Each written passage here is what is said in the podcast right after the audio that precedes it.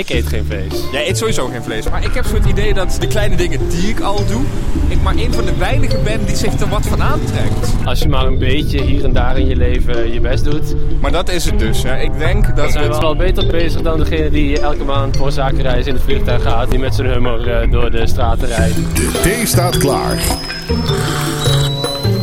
Zolang de pot gevuld is, praten Mick en Colin over Klimaatsverandering. de Theepodcast met Mick en Colin. Eh, Mick. jij, zei, jij zei vorige keer dat ik altijd zo'n podcast eh, begin. Dus jij dacht ik begin hem weer zo. Ja, maar deze keer was het wel intentioneel. Oh, ik word eh, ondertussen uh, omvergelopen door een kind. Ehm, het is begin maart. We hebben de afgelopen week, eh, eind februari, prachtig, maar dan ook prachtig, prachtig, prachtig weer gehad. Ja, behalve met carnaval, toen was het er even minder. Ja. Eh, ik loop nu gewoon in een t-shirtje. Ja, ik heb wel een jasje aan, maar dat hoeft eigenlijk niet. Eh, we zijn op weg naar de auto.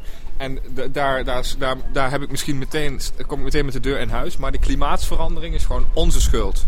Ja, dat komt door die auto waar we nu naartoe gaan. Ja, maar we lopen er wel naartoe. Dus dat is dan misschien wel weer goed. Maar Ja, nou ja, ik vind dat wel een dingetje. Als het dan zo in de winter eigenlijk eh, ongelooflijk warm, eh, of zoals de NOS het zegt in hun nieuwsberichten, niet normaal warm. dan is iedereen blij. Hè? Zon, lekker naar buiten. Ik heb dan toch altijd een beetje een stemmetje in mijn achterhoofd dat denkt van ja, dat is eigenlijk niet goed hè. Het is eigenlijk ha- halen we de planeet naar de get voor. qua, qua temperatuur liggen wij nu twee maanden voor op schema. Dit, dit weer dat het nu is, zou het in mei pas moeten zijn. Ja, Bomen zijn van slag, de dieren zijn van slag. Ehm, maar wat kunnen wij hier aan doen? Of is dat misschien iets voor op het einde? Ja, ben, je, Waar- ben, waar ben, het je, ben überhaupt in je leven bezig met eh, jouw eh, footprint? Ehm, eh, eerst niet. Maar ik denk nu sinds een jaar of twee eh, steeds meer.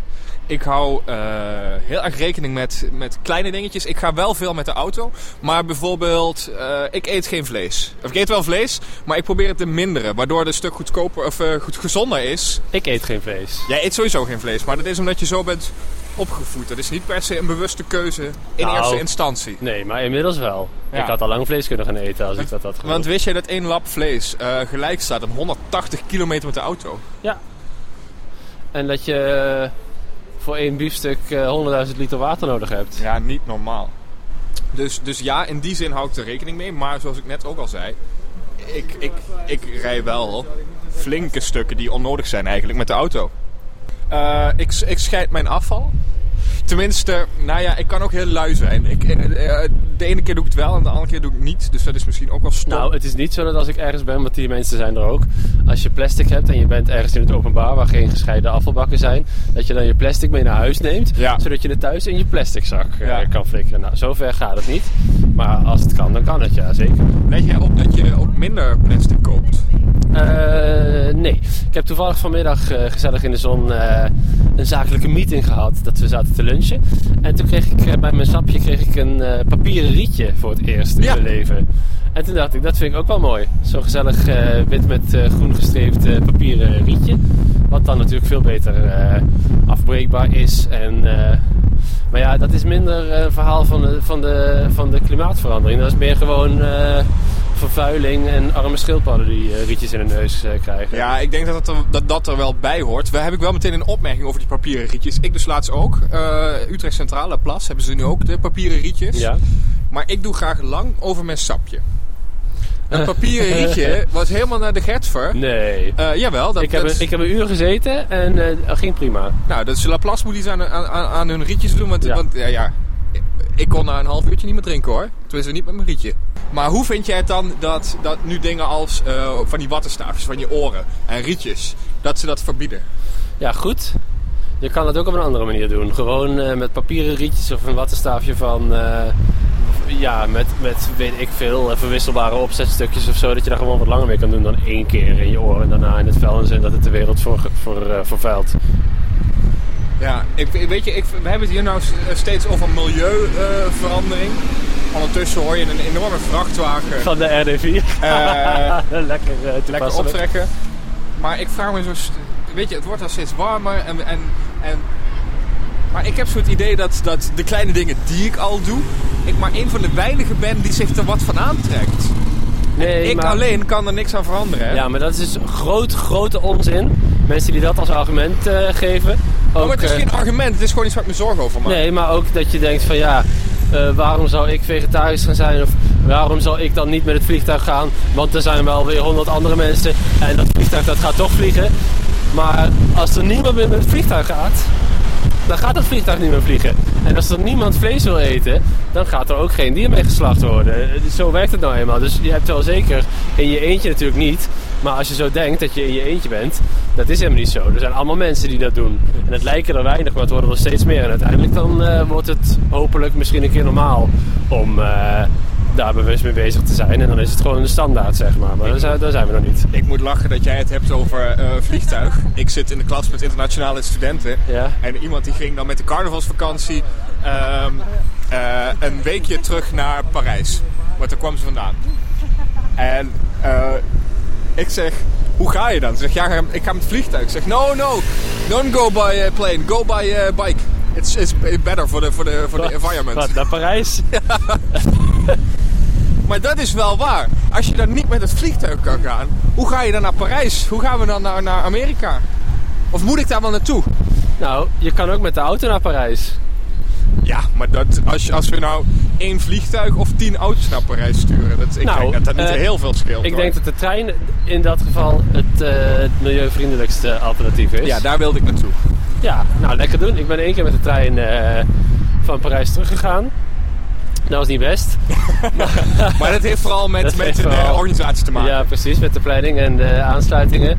Maar op zich is dat gewoon, eh, als het allemaal normaal had gereden, was dat prima. Ja, ik denk dat dat inderdaad gewoon die kleine dingetjes zijn waar we op moeten en kunnen letten. We moeten niet per se drie keer per jaar naar Amerika. Nee, Nee, ja, ik bedoel, waarom, het, het zou ook allemaal via een Skype-verbinding kunnen, of, of weet ik het allemaal. Daar moet toch wat op te vinden zijn? ik, eh, ik werk bij eh, Museumplein Limburg. En eh, dat zijn de, de musea in Kerkrade over wetenschap, techniek, over design. Maar er is ook een museum dat gaat over de aarde. En dat heet Columbus. En het gaat ook, in die film gaat het ook over dat je beter op de aarde moet letten. En wat meer over je milieu moet nadenken. Er komt Wubbo Okkels komt in beeld. Ja. Dat is een oud astronaut uit Nederland. ja. En hij vertelt echt van, we zijn zo nietig, zulke kleine mensen. En eh, als je vanuit de ruimte hebt gekeken, dat verandert je echt als mens. En dan heb je die planeet gezien en dan zie je met je eigen ogen hoe kwetsbaar het is. En eh, je merkt ook, eh, ik ben dan daar degene die de mensen uit de zaal laat na afloop. En ik zeg dan fijne dag nog. En sommige mensen komen echt huilend uit dat theater. Omdat ze zo eh, met de neus op de feiten gedrukt zijn geworden. Dat ze denken van wow, ik moet echt een keer wat aan mijn eh, milieu-impact gaan doen. Ja, ik snap dat. Ik denk dat wat dat betreft, en eh, nu, nu maak ik ruzie met een heleboel Efteling-fans. maar dat, wat dat betreft de Pandadroom ook heel erg Ja. vooruitstrevend was. Ja, was, hè. Toen, toen het er op een gegeven moment kwam, hè? Het mag nu al weg, maar hij heeft wel zijn werk goed gedaan. Dat is leuk, die, die, die hele organisatie van het Museumplein. Dat, we hebben ooit een keer vijf kernwaarden van het bedrijf. Eh, nou, dat is verder niet interessant. Maar een van die kernwaarden was duurzaamheid. Ja. En we hadden dus een kerstpakket. eh, met allemaal duurzame dingetjes. Zo'n lap waar je dan je brood in kan vouwen. Oh ja, in ja. plaats van een plastic zakje. Ja. En een soort van eh, wasbol voor in de wasmachine. Zodat je geen wasmiddel meer hoeft te gebruiken. Maar dat die wasbol die ging dan eh 100 wasbeurten mee. En eh, zakjes om mee naar de supermarkt te gaan.